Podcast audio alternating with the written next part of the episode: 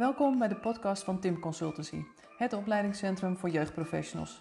Ben jij op zoek naar een passende deskundigheidsbevordering in de vorm van een training, workshop of inspirerende artikelen?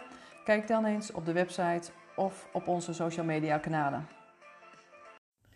Welkom bij een nieuwe podcast van Tim Consultancy. Mijn naam is Margreet Timmer en vandaag ben ik in gesprek met Vanessa Maas.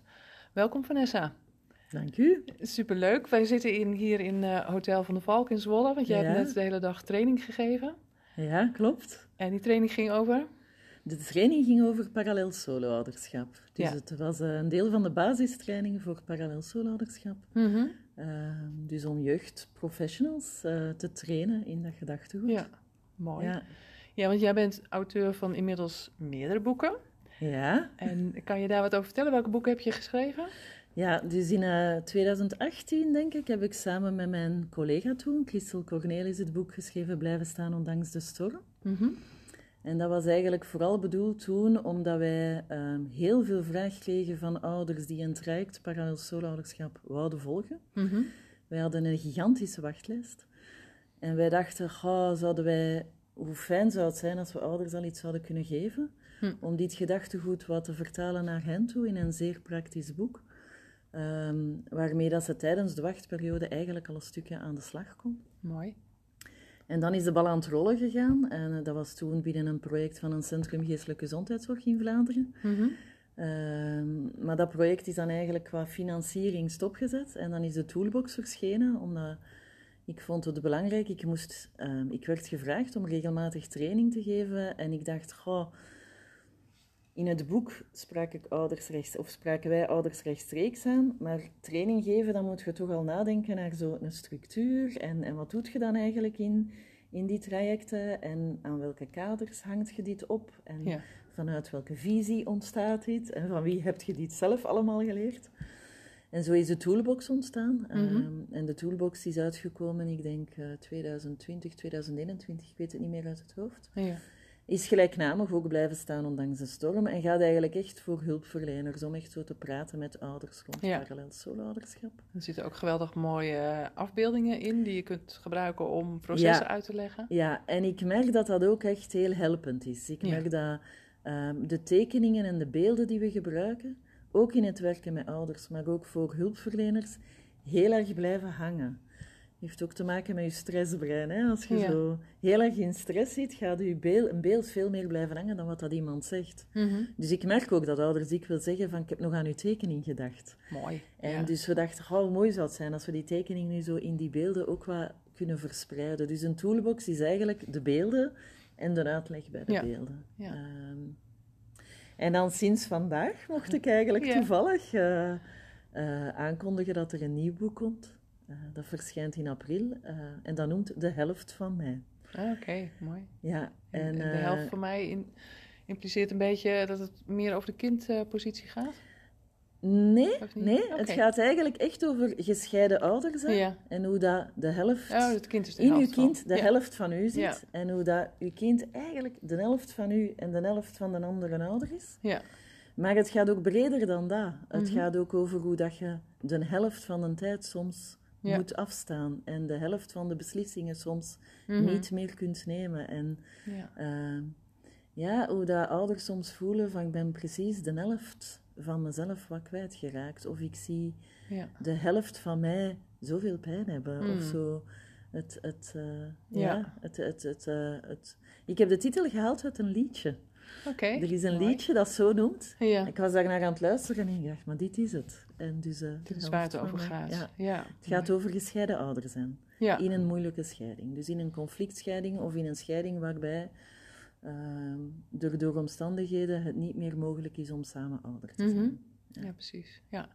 En eh solo parallel ouderschap, van wat zijn daarin de belangrijkste uitgangspunten of de, de- wat is de basis ervan? Ja, ja.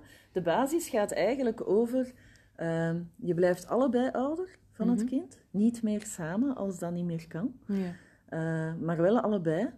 En ehm, dus parallel staat voor, je doet het naast elkaar. Dus je hoeft het niet meer samen te doen, maar je doet het naast elkaar. Mhm. Ehm, en het solo-stuk gaat over, uh, in uw ouderschap, in uw beslissingen, in de keuzes die jij maakt, in de manier dat jij communiceert, in de zorg die jij biedt, in de opvoeding die jij biedt, zijt je solo verantwoordelijk. Dus jij alleen Mhm. staat aan het roer van uw nieuw gezin, Ja. naast een ander gezin, waar dat de andere ouder alleen het ouderschap vormgeeft. En Mhm. die doet je naast elkaar. Dus je doet het niet los van elkaar, je doet Ja. het niet eh, onafhankelijk van elkaar. Want als ik keuzes en beslissingen maak over eh, de opvoeding van het kind, Mhm. en ik hou er geen rekening mee dat mijn kind ook, ook groot wordt in een ander gezin, waar Ja. ook een solo-ouder aan het roer staat, dan ben ik niet gefocust op mijn kind. Mhm.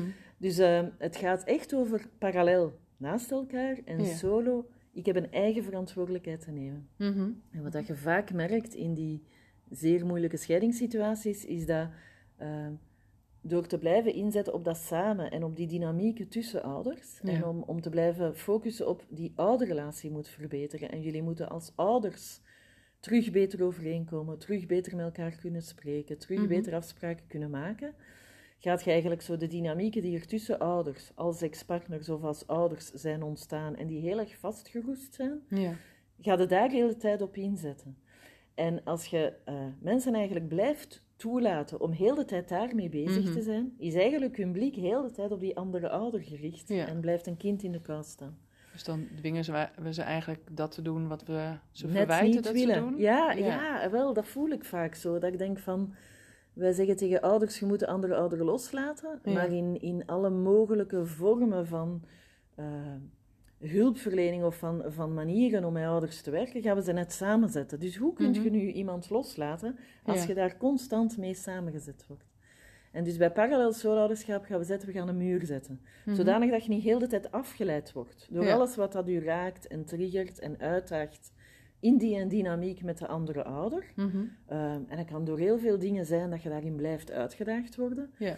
Maar om u te helpen focussen op wat is hier nu de last van mijn kind? En, Ja. en wat heeft mijn kind van mij nodig? En hoe kan ik helpen aan mijn kind om groot te worden in twee contexten? Ja. Die er alle twee moeten mogen zijn, maar die wel super verschillend kunnen zijn van elkaar. Mhm.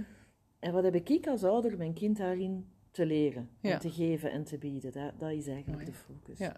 En het is ook mooi dat je zegt van, goh, het gaat over die dynamiek die daar dan in die, bij, bij die beide ouders speelt. Eh, omdat je hoort vaak mensen natuurlijk zeggen zo van, ja, maar die ander triggert mij steeds. ja.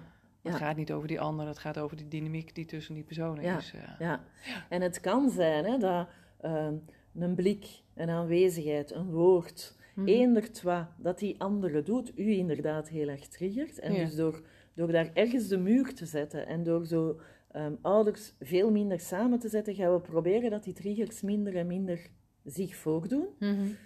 Niet, ze zijn niet helemaal weg, hè, want soms zegt een kind iets dat u heel Ja. erg doet denken aan de andere ouder en dat u ook triggert. Mhm. Uh, maar we gaan eigenlijk met ouders heel erg nadenken over wat is het juist dat u raakt en in wat wordt jij dan zo geraakt en Ja. welke, welke pijn voelde jij dan of welke stress voelde jij dan of welke angst voelde dan of welk Mhm. verlies voelde je dan. En de zorg daarvoor, dat is uw verantwoordelijkheid. Dus Ja. het effect van de anderen op u is uw verantwoordelijkheid. En jij hebt de verantwoordelijkheid om ervoor te zorgen dat uw kind geen last heeft van wat dat hij met u doet. Mhm. En dat klinkt nu heel streng, Ja. eh, maar dat is wel een pittige opdracht voor ouders. Want zolang dat je Ja. mocht kijken naar, ik kan maar de ouder zijn die ik wil zijn als hij of als zij verandert, Ja. kun je zo'n beetje verschuilen hè, achter. Zolang dat hij niet dat doet, of zolang dat zij niet stopt met dat te doen, hoef ik ook niet naar mijn kind te kijken. precies.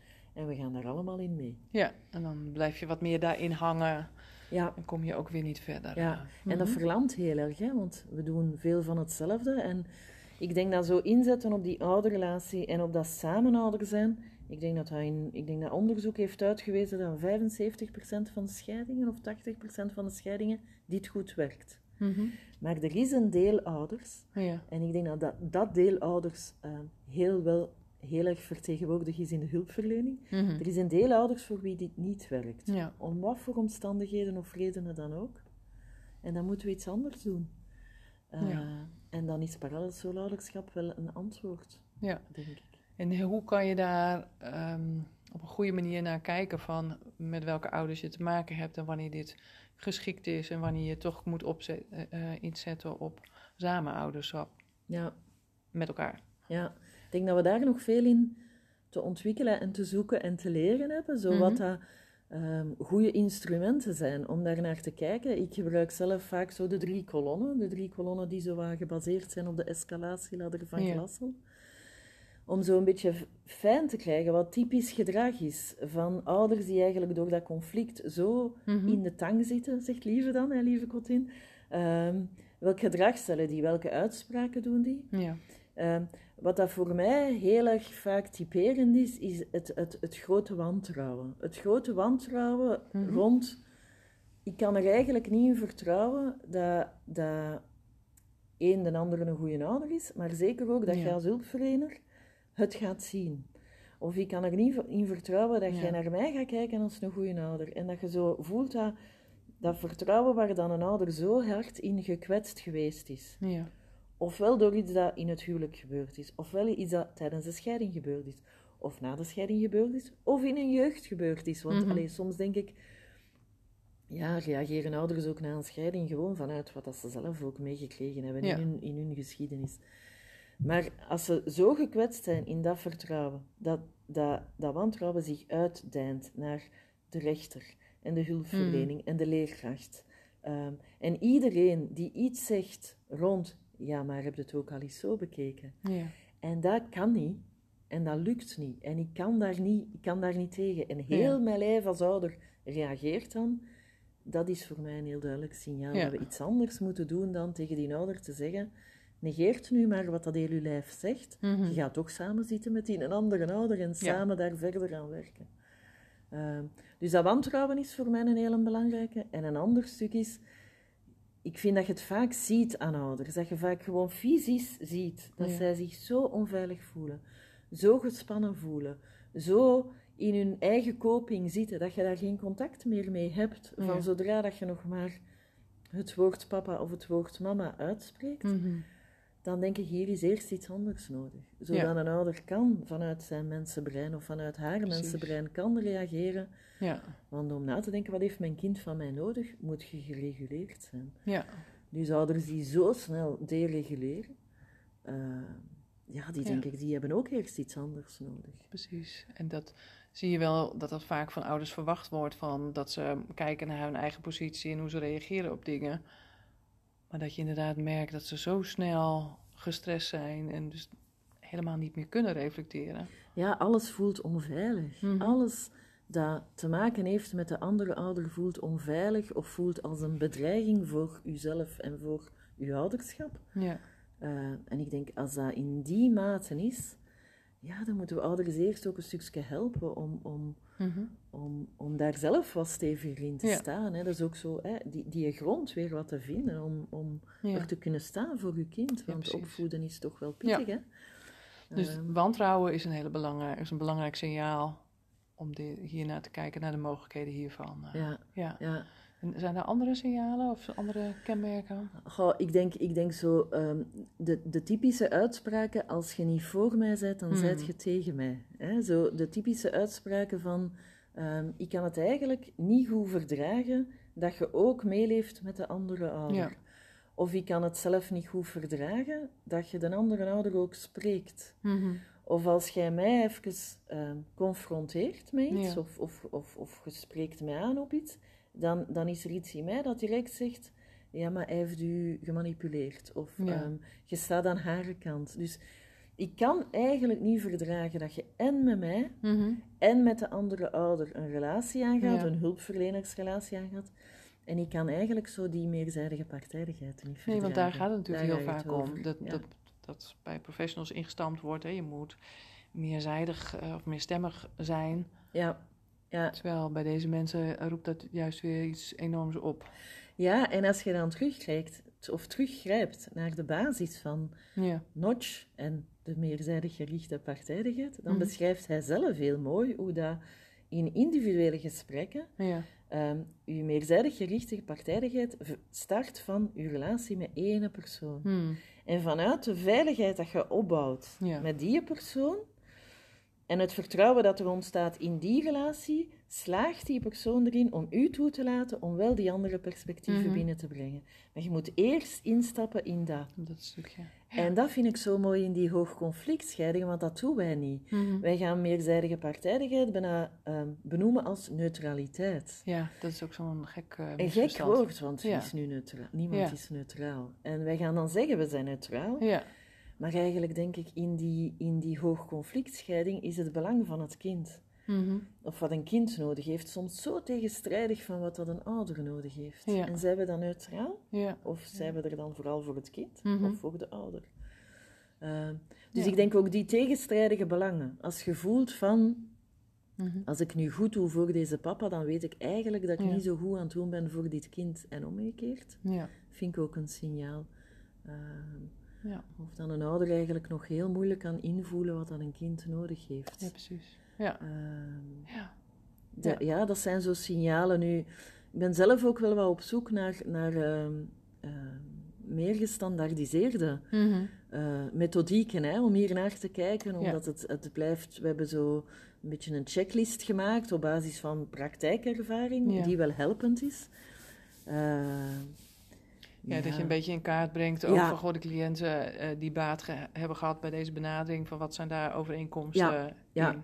Ja, omdat we nu merken dat het ingezet wordt als er niks anders nog werkt. Mhm. hè? Of, ehm, Dan is het hele riedeltje van andere dingen al geprobeerd. alles is geprobeerd en het is allemaal niet... Oh, Oké, dan gaan we dit nog eens proberen als laatste kans. Uh, en wat, wat ik daar zo jammer in vind, is dat ouders dan eigenlijk uh, opnieuw heel veel faalervaringen hebben gehad. Ja, natuurlijk.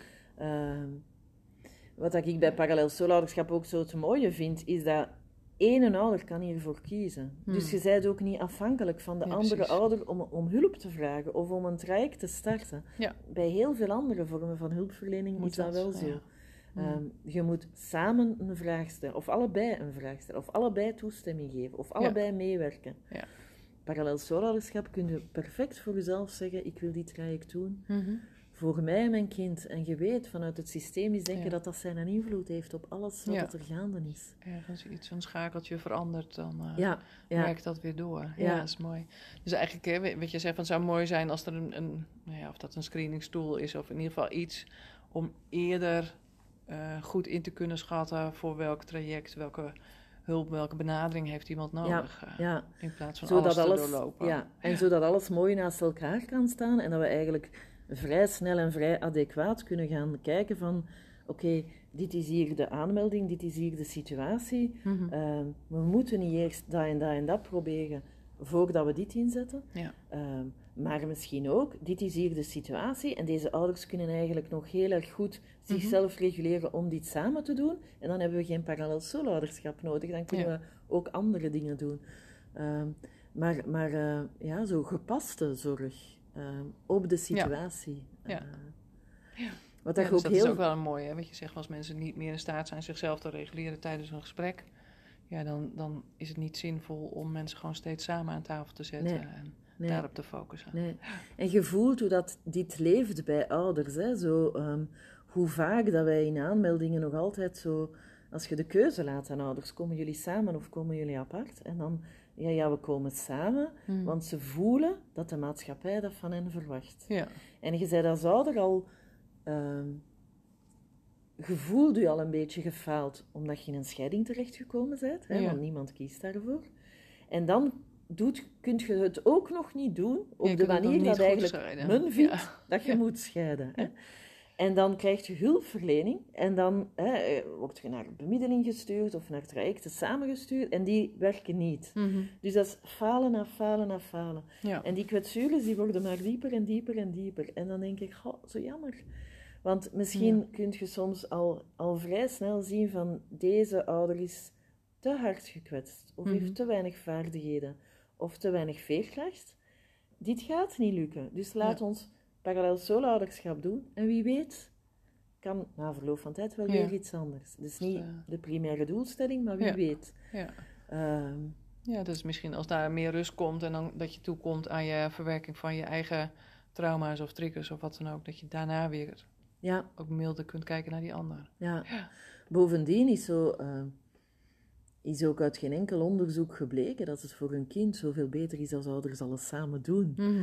Het is voor een kind wel belangrijk om een, een, een gepaste relatie te mogen hebben met allebei. Ja.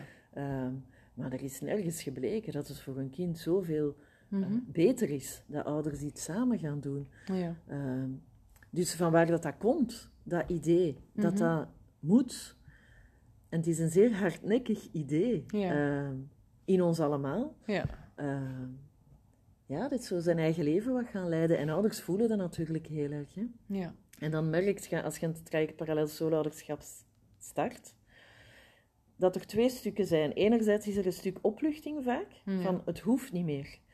Oeh, ik mag hier mijn verhaal Ja. doen. Ik, mag, ik, ik ga hier steun krijgen voor mijn stuk. En ik ga Mhm. misschien ook uitgedaagd worden. Ongetwijfeld ook uitgedaagd Ja. worden in dat eigen verantwoordelijkheid nemen. Dus er, er is een stuk opluchting. Anderzijds voelde dat het ook weer een stuk verlies is. Ja. Want in een traject parallel solo-ouderschap is het opnieuw een stuk loslaten. Want het, Mhm. het is loslaten dat je voor je kind gaat kunnen regelen dat het in het andere gezin anders gaat verlopen. Ja. Dus er is opnieuw rouw. Dus het is de twee. Er is en opluchting, maar er is ook rouw. Hè? Mhm. Want soms zeggen mensen, ja, ouders gaan hier veel te snel voor kiezen om maar niet met die andere ouder te moeten samenzitten. Ja. Maar ik denk wanneer de ouders voelen in die trajecten parallel solo-ouderschap, dat het, hoeveel het vraagt om dit te gaan doen, Mhm. ehm, ja, dat er toch ook weer wat verlies bij komt. Want ja. Ja. ehm, je, je, kun, je, je moet een stukje loslaten dat je dan andere ouder gaat veranderen. Mhm. Of dat je het voor je kind makkelijker kunt maken in het andere gezin. Ja. En als jij nog praat met een andere ouder en jij komt nog goed overeen met een andere ouder, dan kun je dat wel. Dan kun je Mhm. eigenlijk voor je kind wat dingen regelen. Ja. Maar als dat heel de tijd tot conflict leidt en je moet dat stukje loslaten, Mhm. is dat toch weer verlies. Zeker. Ja. Ehm, Ja. en dat is best pittig. Ik, vind, ehm, ik zeg dat heel vaak en ik meen dat echt oprecht. Ouders die een traject parallel solo-ouderschap doen, Mhm. ik heb daar enorm veel bewondering voor en respect voor, want eh, Hard het werken. is hard werken. Ja. Het is heel hard werken. Ja, precies. Ja. En je, je noemde dat, dat stukje van het kind, eigenlijk een, een misverstand die ik vaak hoor, eh, waar we het net al even over hebben gehad, van eh, dat mensen de indruk hebben van als je hierop inzet, ehm, moeten kinderen dus vanaf, vanaf nu de boodschapper zijn tussen deze ouders. Ja, ja dat klopt niet. Vertel Nee, eens, eh, nee. hoe... eh, Ehm, ik denk, wat, dat, wat dat we wel gaan doen, is een ouder laten nadenken over ehm, wat kan een kind zelf en wat Ja. kan een kind nog niet zelf. Mhm. Hè? Ehm, en, en je gaat een ouder daar naar laten kijken vanuit de ontwikkeling van een kind en, Ja. en, en de specifieke positie van een kind. En we gaan vanuit weerbaarheid kijken. Dus het is het kind dat verder moet met twee ouders. ja. En we gaan eigenlijk de kinderen proberen te leren om dit aan te kunnen en om dit te gaan doen. Hè? Ja. Om hen de vaardigheden te geven dat zij dit kunnen. Leven met mama en leven met papa, die eigenlijk niet meer goed door één deur kunnen met elkaar. Mhm. Ehm, wat gaan we doen? We gaan nadenken over wat zijn dingen die anders kunnen zijn in het gezin van mama dan in het gezin van papa. Mhm. En daarin gaan we niet zozeer communiceren met elkaar, want Ja. we laten dat anders er zijn. Hè? Mhm. Maar er zijn een aantal dingen die niet anders kunnen zijn. Er zijn soms beslissingen die genomen moeten worden of dingen die geregeld moeten worden, Ja. die niet anders kunnen zijn, omdat die te fundamenteel zijn voor een kind. Mhm. Daarover gaan een ouder uiteraard wel zelf Ja. in communicatie. Schoolkeuze, medische. Schoolkeuze, medische behandelingen, keuze of dat er wel of niet een begeleiding opgestart wordt. Ja. En wat dat je binnen een traject parallel solo-ouderschap met een ouder gaat doen, is heel goed nadenken over wat is uw standpunt hierin. Goed beseffende dat ik mag hier niet alleen over beslissen. Mhm. Hier is een andere ouder die hier ook een mening in heeft en Ja. mee akkoord moet zijn. Maar hoe ga ik, wat dat ik hierin zou doen, laten weten aan de andere ouder? Mhm. Hoe ga ik dat formuleren? Wat is mijn standpunt? Is dat een standpunt vanuit wat dat mijn kind nu van mij nodig heeft? Of is dat een standpunt vanuit ik wil hier de beslissing in hebben? Ja. Hè? Wat dat je bij scheidingen soms ziet, hè?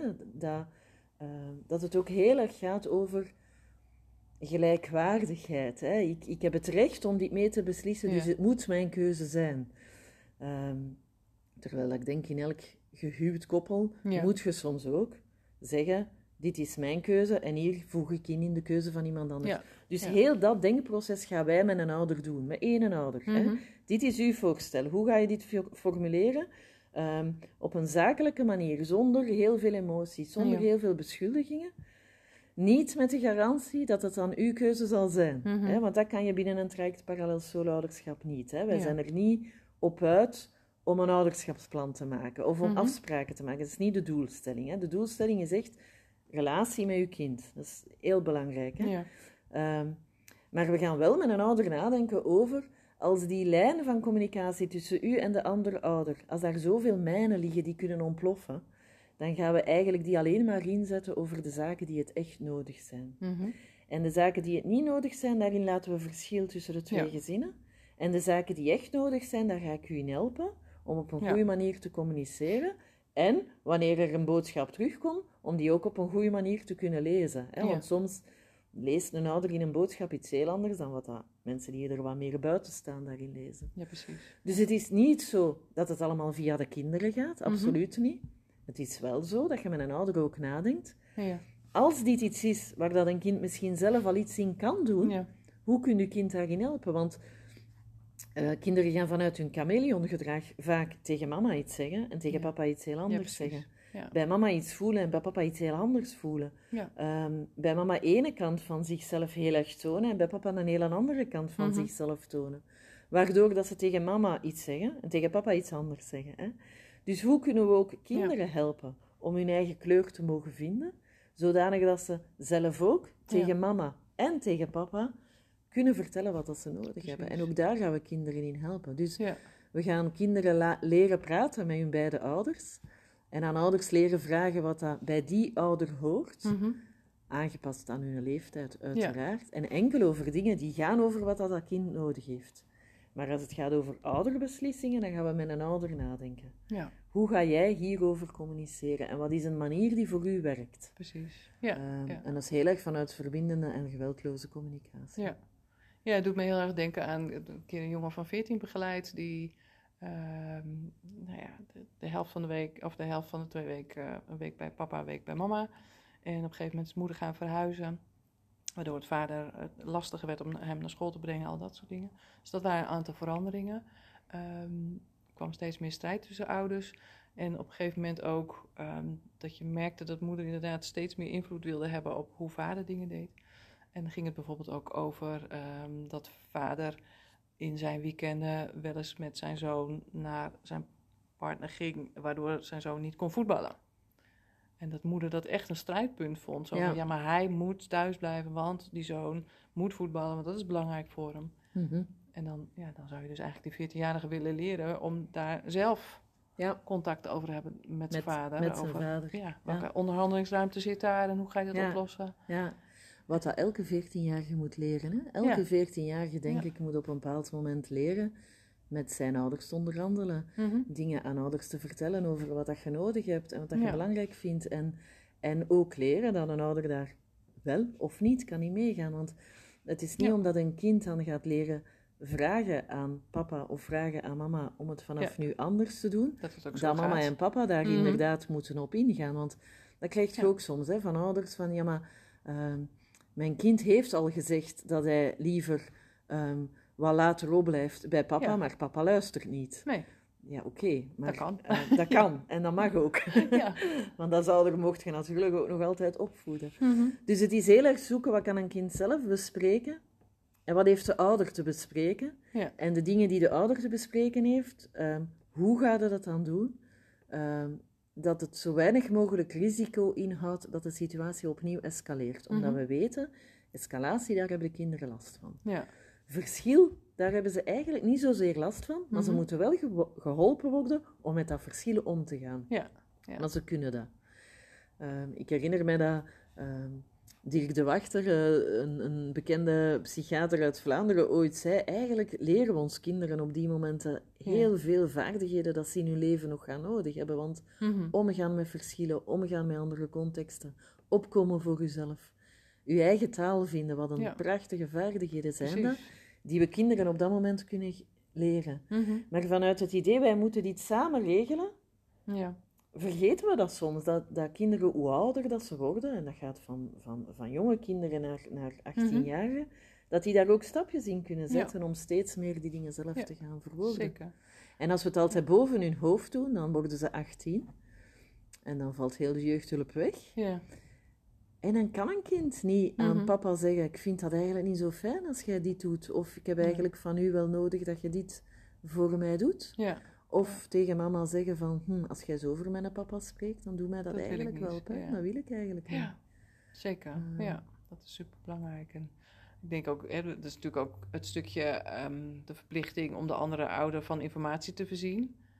Ja, dat denk ik, dat gaat ook tot een bepaalde leeftijd. Op een gegeven moment moeten kinderen ook zelf leren dat ze de andere ouder op de hoogte houden van iets wat gebeurd is, of op school, of cijfers, of Ja. wat dan Ja, ook. en ik denk zo het stuk van, er is het stuk in wat moeten jullie allebei eh, toestemming geven of akkoord Mhm. zijn om een beslissing te kunnen nemen. Maar Ja. daarnaast is er ook een stuk, en dat komt ook heel hard aan bod in, in parallel soulouderschap. Wat vind ik belangrijk om aan de andere ouder ook te laten weten? En wat zegt Ja. de wet dat ik aan de andere ouder moet laten weten? Ja. Want niemand van ons staat boven de wet, dus we Mhm. moeten volgen wat er in de wet staat. En wat wil ik daarin doen en wat heb ik daarin te doen? Mhm. Ook al doet de andere dat misschien niet. Ja, ja, ja. Eh, en allee, ik, ik gebruik in, in het nieuwe boek ook een aantal, ehm, ik heb ook een aantal schablonen meegegeven rond heel eenvoudige boodschappen van ehm, onze zoon heeft dan een tandartsafspraak en ik laat het u weten. Of, of ehm, ik maak mij zorgen over dit van onze dochter. Mhm. Ik, ik denk dat dit een goede oplossing zou zijn. Ik stel dit voor en ik wil u dit laten weten. En zo gewoon zeer Ja. zakelijke schablonen die je kunt gebruiken rond eh uw informatie aan de andere ouder Mhm. geven, zodanig dat hij of zij voldoende weet om goed ouderschap te kunnen bieden. Ja. Dat is uw verantwoordelijkheid als ouder. Ook al doet de andere dat niet, Mhm. ontslaat u dat niet van uw verantwoordelijkheid Ja, om dat zelf te doen. En dat is het moeilijke aan parallel soulouderschap. Ja. Ehm, Ja. Ouders geven heel hard aan van ja, maar Vanessa, ik ben hier nu een traject bij u aan het doen Ja.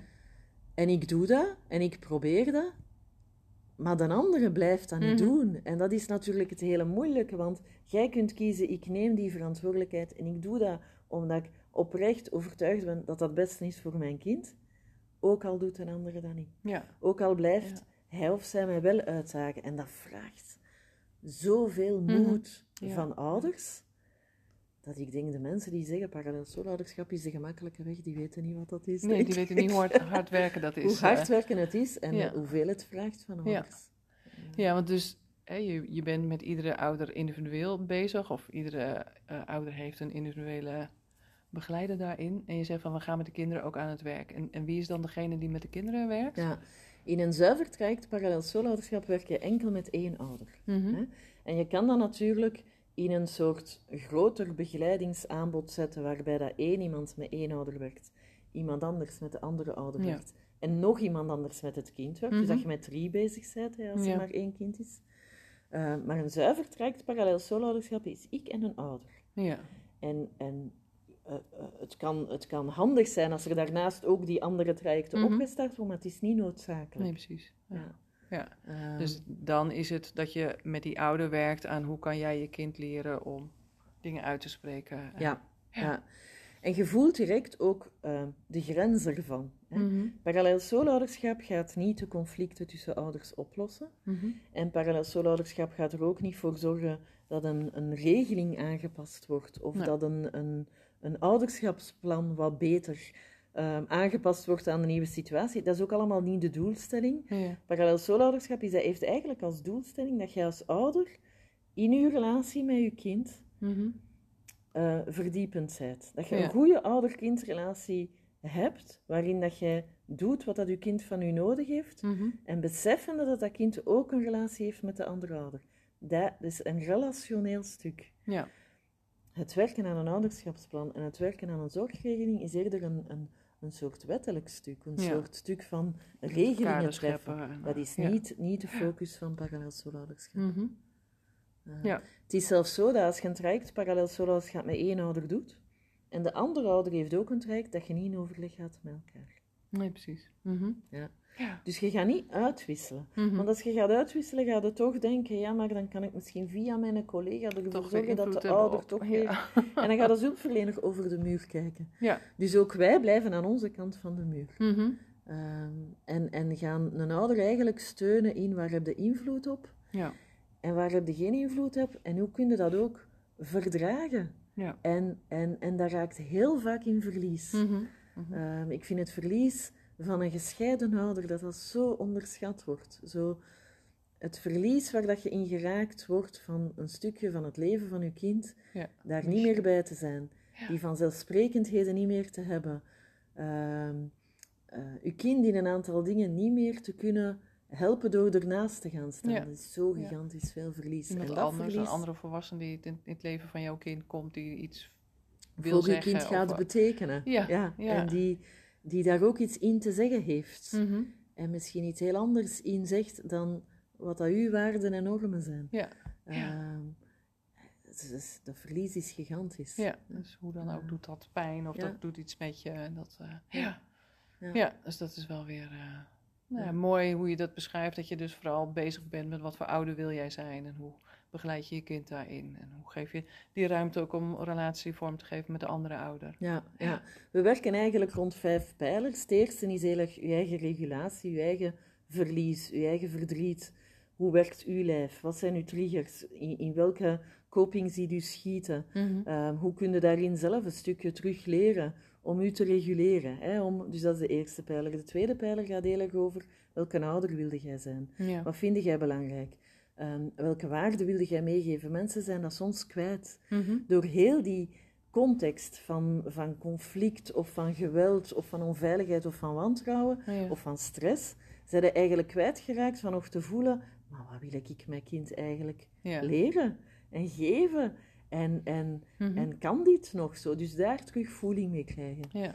Dan heb je het stuk naast elkaar. Dus hoe verhoud ik mij tot die andere ouder? Mhm. En, en hoe, hoe ga ik daarmee omgaan? En hoe ga ik dat verschil toelaten? Dat die Ja. een andere ouder het anders doet. Dan heb je de pijler het kind. Dus hoe ga ik mijn kind steviger en weerbaarder maken? En wat heb ik hierin te doen om te zien dat mijn kind Mhm. daar ook een actieve rol in kan spelen? Ja. Aangepast aan de leeftijd. Wacht, hè, dan heb je de pijler van de communicatie. Hoe ga Mhm. ik zorgen voor mijn communicatie met een andere Ja. ouder? En hoe ga ik daar verantwoordelijkheid in nemen? En de laatste, en dat is ook een hele belangrijke, is wie ga ik rond mij zetten? Hmm. Zodanig dat ik goed omringd ben om dit allemaal aan te kunnen. ja. Ehm, want wat dat je toch ook vaak ziet, is dat zo het netwerk Gaat zo ook mee. heel erg Ja. mee in die, in die strijd, in dat wantrouwen zit. Ja. En, en hoe kan ik een netwerk rondom mij bouwen dat beter passend is bij de ouder die ik wil zijn? Hmm.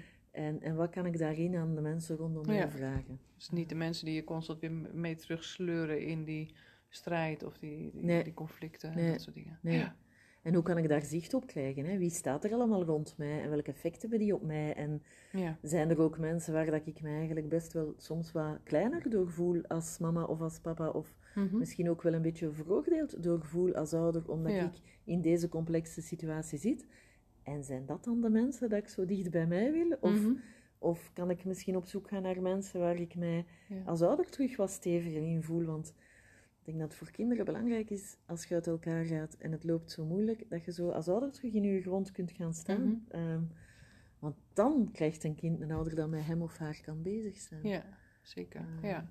En ook, ook dat stuk communicatie wat je noemt. Ik denk, ja, het uiten, het benoemen van waar je behoefte aan hebt of wat maakt dat je iets bespreekbaar... Dat, dat vinden mensen vaak zo moeilijk. Ja. Het gaat zo snel in verwijten. Ja. Jij doet dit of jij doet dat. Of, Ja, wij spreken ook, en dat komt ook uit de verbindende communicatie, van zo pseudo-gevoelens. Hè?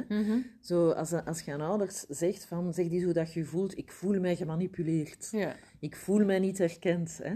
En waar dat je dan heel erg gaat zoeken naar, "Ja, maar ik voel mij gemanipuleerd, dat is eigenlijk iets dat je zegt over de Die andere ouder. ja. Jij manipuleert mij. ja, Wat zit er daaronder? Hè? Als jij je gemanipuleerd voelt, in welke behoefte van jezelf is er dan niet voldaan? Mhm. En hoe kun je daarna geraken? Want als je dan komt naar, ik ben eigenlijk wel iemand die wat autonomie nodig heeft, of die Mhm. wel graag wat vat heeft of invloed heeft op de dingen, dan heb je een heel ander gesprek. Want dan Ja. kun je gaan kijken naar, oké, op wat heb je vat?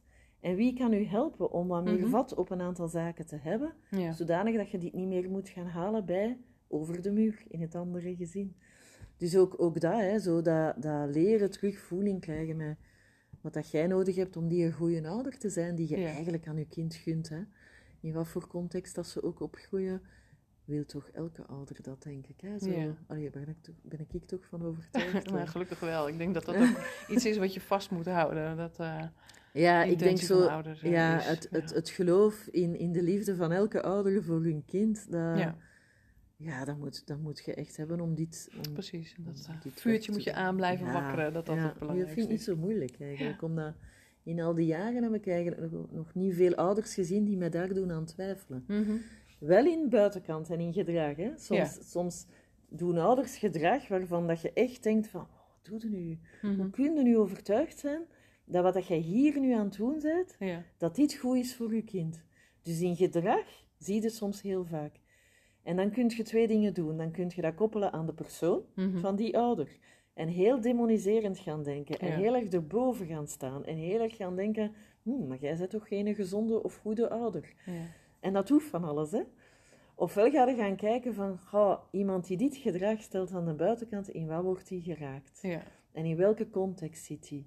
En wat heeft die persoon aan, aan, aan steun, aan sturing of aan stimulering nodig Mhm. om misschien ander gedrag te kunnen stellen? Precies. Eh, Ja. ja, daar ben ik wel van overtuigd. Ja. Ja. En dat is natuurlijk wel, want ook die hele verbindende communicatie, dat klinkt altijd heel eenvoudig, maar is zo ingewikkeld en zo.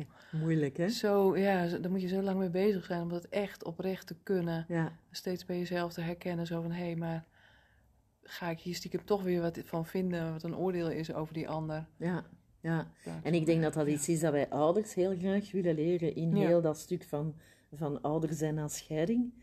Maar ik denk dat we daar allemaal als hulpverleners ook nog wel wat in te leren hebben. Ja, Want deze ouders zeggen en doen dingen die ook iets met ons doen. Hè? Mhm, En wij zijn ook zeker. niet Ja. leeg van of, of vrij van oordelen en gedachten en meningen. Mhm. Dus ik denk dat die demoniserende kijk op ouders, ehm moeten wij ons zeer bewust van zijn dat we die toch wel heel snel ja, ja. ja. hebben als het over conflictscheidingen gaat. En ik denk dat dat ook een beetje de missie is, hè, om zo ja, wat milder te zijn voor Ja. ouders in deze contexten en te kunnen blijven zien dat het de context is dat maakt dat mensen op een bepaalde manier reageren Ja, en niet de persoonlijkheid van ouders. ja, precies. Ja, Eh, soms wel, hè.